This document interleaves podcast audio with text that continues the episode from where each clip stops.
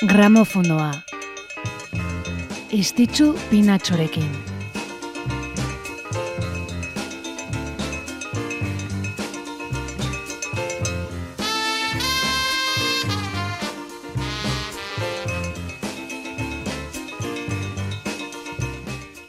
Gabon, Gabon eta ongi etorri gramofonora, musika efemeriden saiora. Asteazkena dugu gaur, maiatzaren amarra, eta astero egiten dugun bezala, horixe izanen da, gure saioaren ardatza. Maiatzaren amarreko gertakariak errepasatuko ditugu, amar terdiak eh, bitartean. Eta horretarako, ba, kantu dikainak aukeratu ditugu.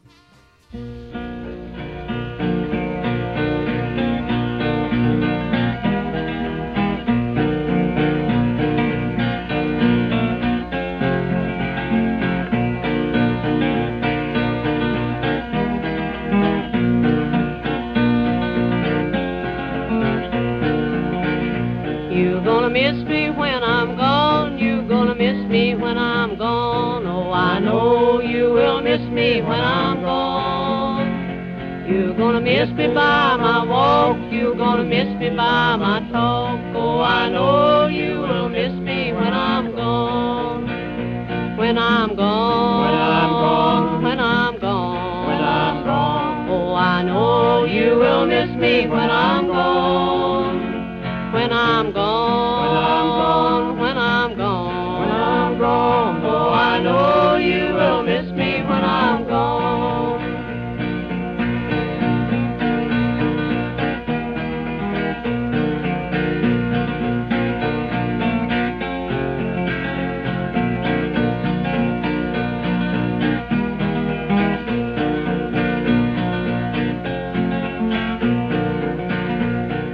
By my prayers, you're gonna miss me everywhere. Oh, I know you will miss me when I'm gone. You're gonna miss me by my song, you're gonna miss me all day long. Oh, I know you will miss me when I'm gone. When I'm gone, when I'm gone, when I'm gone, when I'm gone. Oh, I know you will miss me when I'm gone. When I'm gone. I know you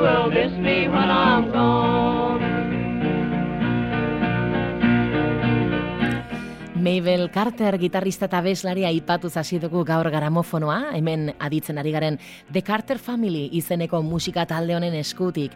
Denboran eh, atzera egin dugu horretarako, hogei garren amarkadaraino joan gara, eta hori nabari da, grabazioaren eh, kalitatean, eh, baita soinuan ere. Bino kanto hau jarri nahi izan dugu, Mabel Carter gogoratu nahi genulako maiatzaren amarreko honetan. Estatu batu arrazen bera eta The Carter Family, ba, country generoko musika talde ospetsuko kidea. Izenak erraten duen bezala Carter senideen artean mila bederatzeren dagoita zazpian osatutako taldeko sortzailetako bat izan zen bera. Ba, Mabel Carter Scratch izena jarri zioten gitarra teknikagatik egintzen ezagun, behatz lodia e, basuaren lerroa jotzeko erabiltzen zuen, eta gainontzekoak e, akordeak eta melodia jotzeko ba, estilo hau country musikaren soinuaren funtsezko elementu bihurtu zen, eta geroztik musikari haunitzek e, Mabel Carterren Carter Scratch estiloa bereganatu egin dute. Eunda amalau urte beteko zitun gaur Mabel Carterrek. Bino, de Carter familirekin egindako lana zaratago, Mabelek bakarkako ibilbidea ere egintzun, eta gitarjole handia izan zen, Nashvilleko musika komunitatean batez ere, country musikaren ospearen aretoan sartu zuten irurogeita marrean, eta haren ondareak arrasto handia utzi du, bai country generoan, bino baita oroarre musikaren munduan ere. Beraz, gaur ezin bertzen, aipatu behar genuen Mabel Garter eta saioa irekitzeko modu paregabea iruditu zaigu gainera. Ba, country estiloan hasi dugu saioa, eta urrengo musikaria genero honetan arrakasta izan zuten artista afroamerikarren artean lehenengo tarikoa izan zela erraten alda. you come as a main girl to set you free girl loves you more than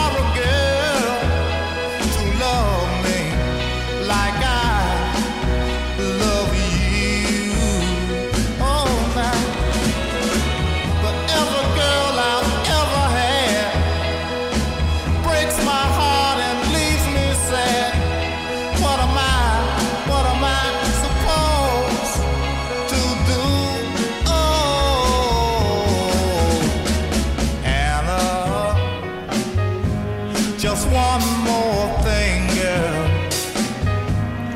Give back my ring to me and I.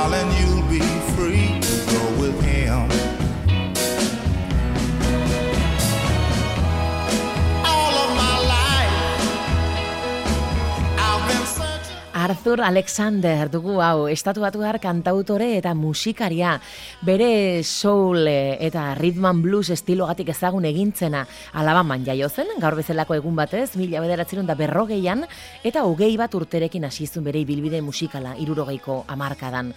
Arthur Alexanderrek bertze artista batzuentzat eh, arrakastatxu bihurtu ziren eh, hainbat abesti idatzi eta grabatu zitun, bertzak bertze You Better Move On Rolling Stoneek eh, grabatu zuna, edota hemen aditzen ari garen Ana Beatlesak ere grabatu zutena.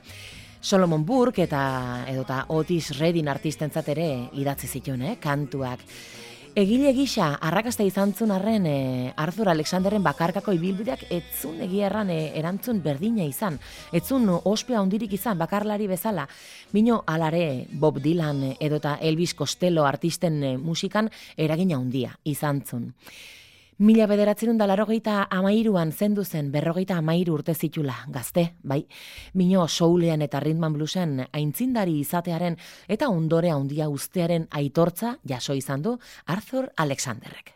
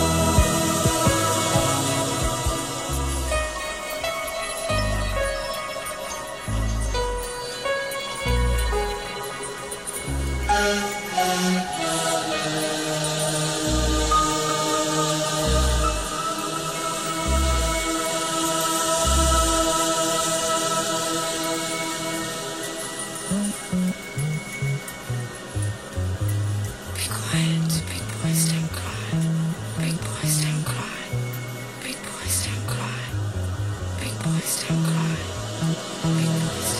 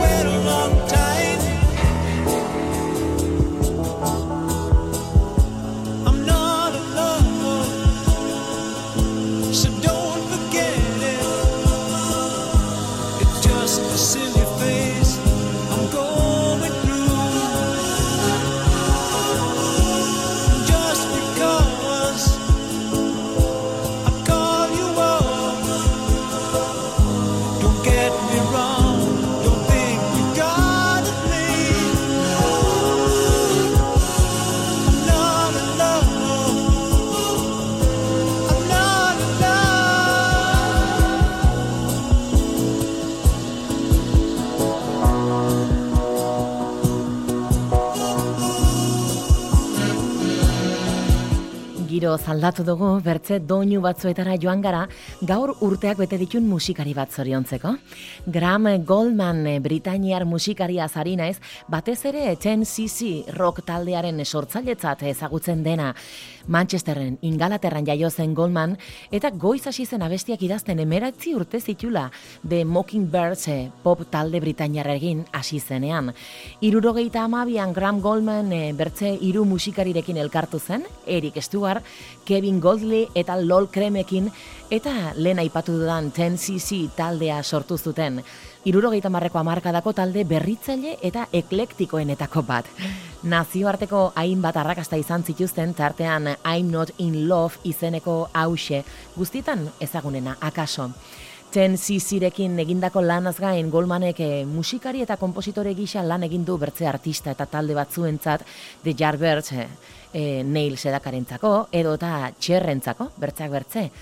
Bakarkako hainbat disko ere kaleratu ditu eta musikagile gisa duen eh, talentuagatik eta Britainiar musikari egindako ekarpenagatik 2014an nazioarteko kompositoren eh, ospearen aretoan sartu zuten Graham Goldman.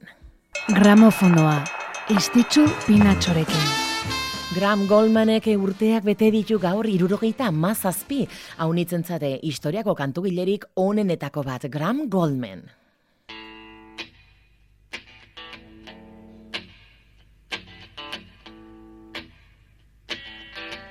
Eta egin dezagun aintzinera Graham Goldmanen egun berean jaiotako bertze artista batekin.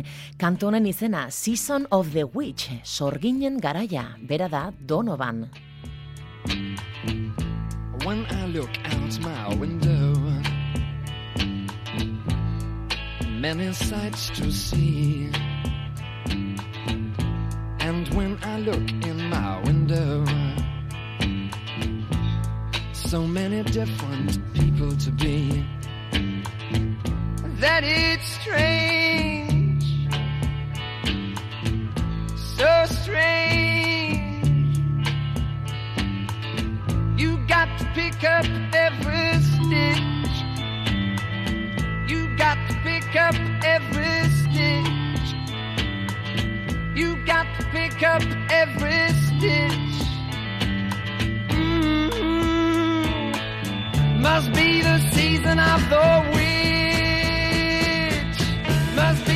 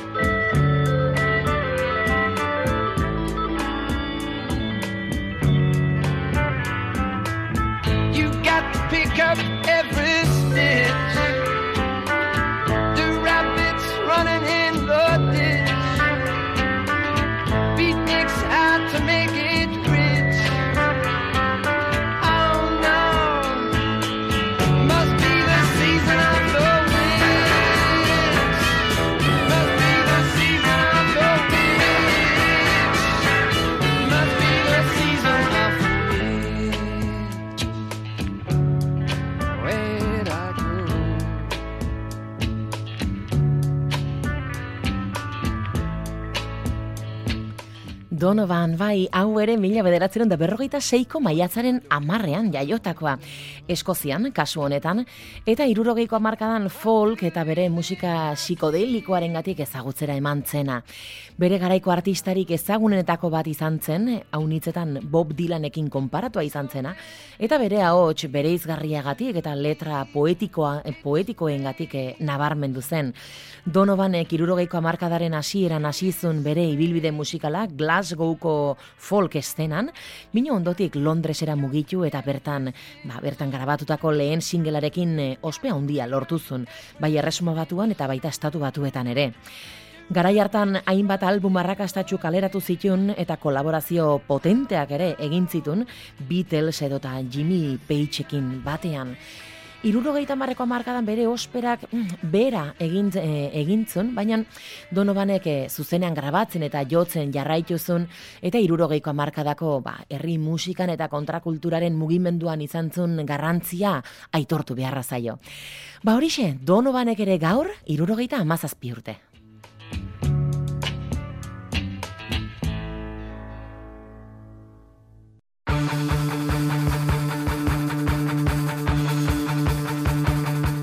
Eta hurrengo kantuarekin ez gara erresumo batutik mugituko Liar honen izena The Sex Pistols.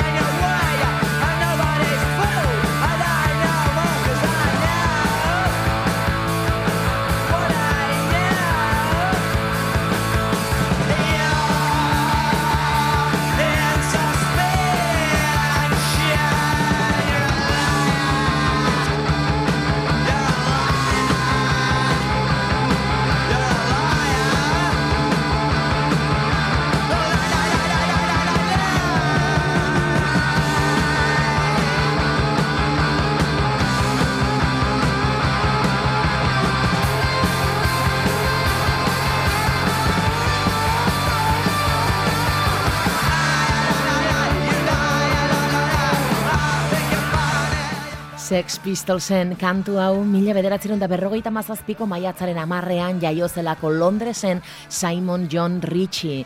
Punk musikari eta ikonoa ezagunagoa denontzako Sid Vicious izenarekin.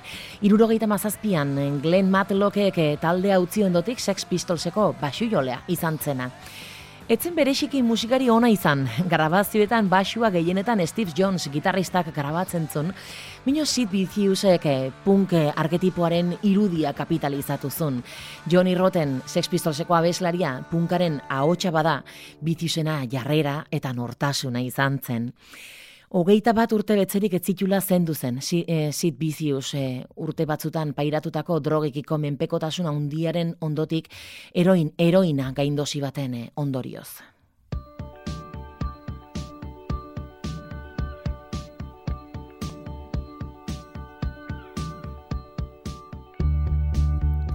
Eta gaurko protagonisten artean zenbat ingeles, eskoziar eta kasu honetan irlandar. Gaur urte betetzen dituelako baita ere YouTube taldeko bonok. Honen izena da, with or without you, zurekin edo zugabe. See the stone set in your eyes. See the thorn twist in your side. I'll wait for you.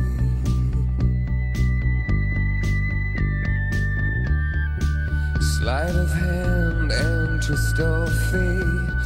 On a bed of nails, she makes me wait, and I wait without you,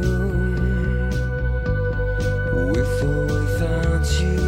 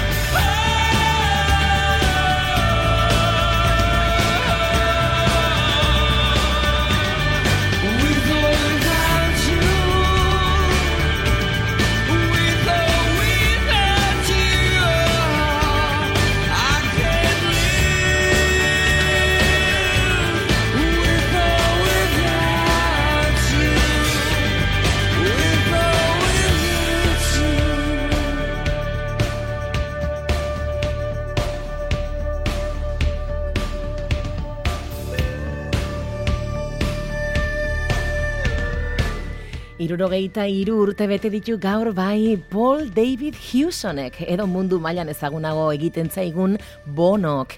Dublinen jaiotako musikari irlandarrak, jutsu, rock taldeko abeslari eta letragileak irurogeita iru.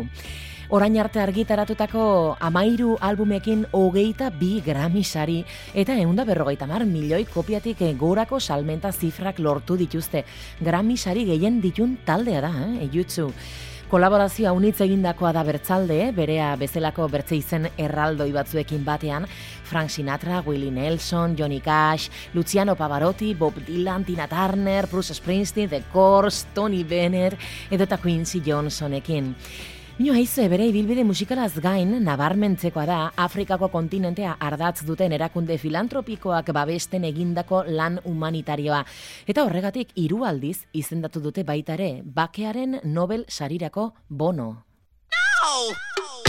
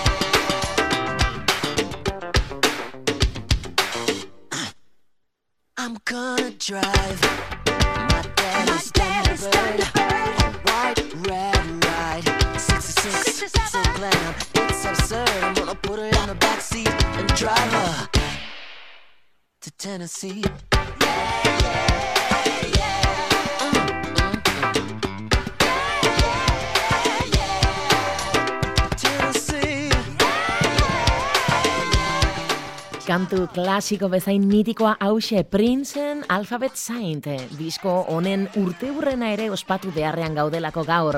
Love Sexy Prince estatu batuar musikari ikonikoaren estudioko bederatzi garren albuma izan zen mila bederatzerun da larogeita zortzeko maiatzaren amarrean kaleratu zena. Funk eta soul estiloaren gatik eta kantuetan gai espiritual eta sexualak kombinatzen gatik nabarmendu zena. Love Sexy Princeen lanik experimental eta ambiziotxuenetako bat izan zen, bino soinuaren aldetik, e, barkatu bai soinuaren aldetik, bino baita estetikaren aldetik ere. Artelan bat da, haunitzentzat album hau, Princek eh, elkarren artean konektatzen ziren eta pieza bakar baten gixan aditzen zen estruktura bat eh, konposatu zulako. Gainera, Love Sexy World Tour izeneko zuzeneko bira ikusgarri bat diseinatu zuen, estenatoki borobil baten gaina bere irudi biluzia erakusten zuen mural handi bat zeukana. Aditzen dugun hau albumeko lehen singlea izan zen, Alphabet Saint, bino uste zitekanaren kontra edo izan zuen arrakasta etzen sobera ondila izan. Bino Love Sexy diskoak kritika positiboa jaso zituen gehien bat, eta haunitzek Princeen lanik onenetakotzat dute. Espiritualtasuna, sexualitatea, maitasuna, soinu berritzaileak, fusioa, ambizioa, gaur hogeita urte bete dituen Love Sexy honetan. Eta gramofonoa izteko ezin aipatu gabe utzi Betty Wright. Mila bederatzeron eta berrogeita mairuan jaio, eta bi mila eta hogeian gaur bezalako egun batez zendu zen abeslari eta kompositore zoragarria. A clean up woman is a woman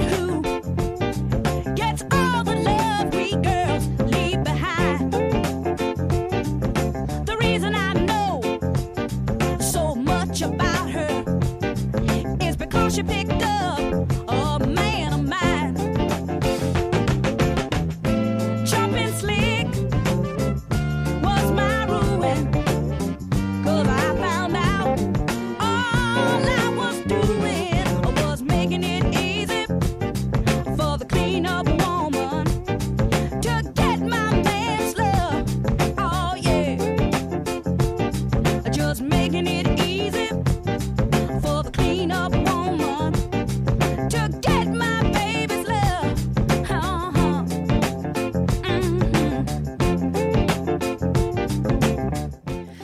Betty Wrightekin bukatuko dugu gaur saioa funkean eta ritman bluesean eragina handiko figura izan zenarekin.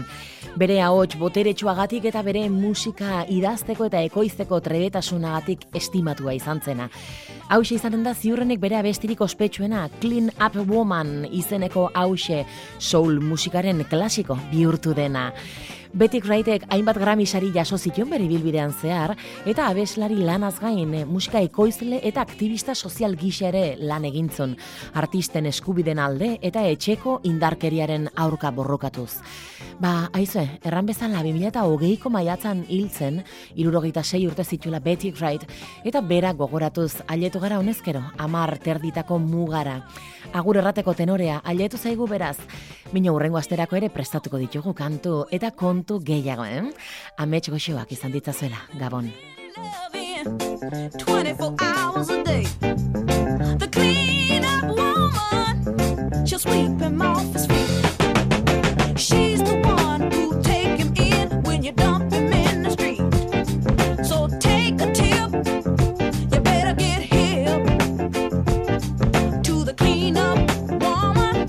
she's tough.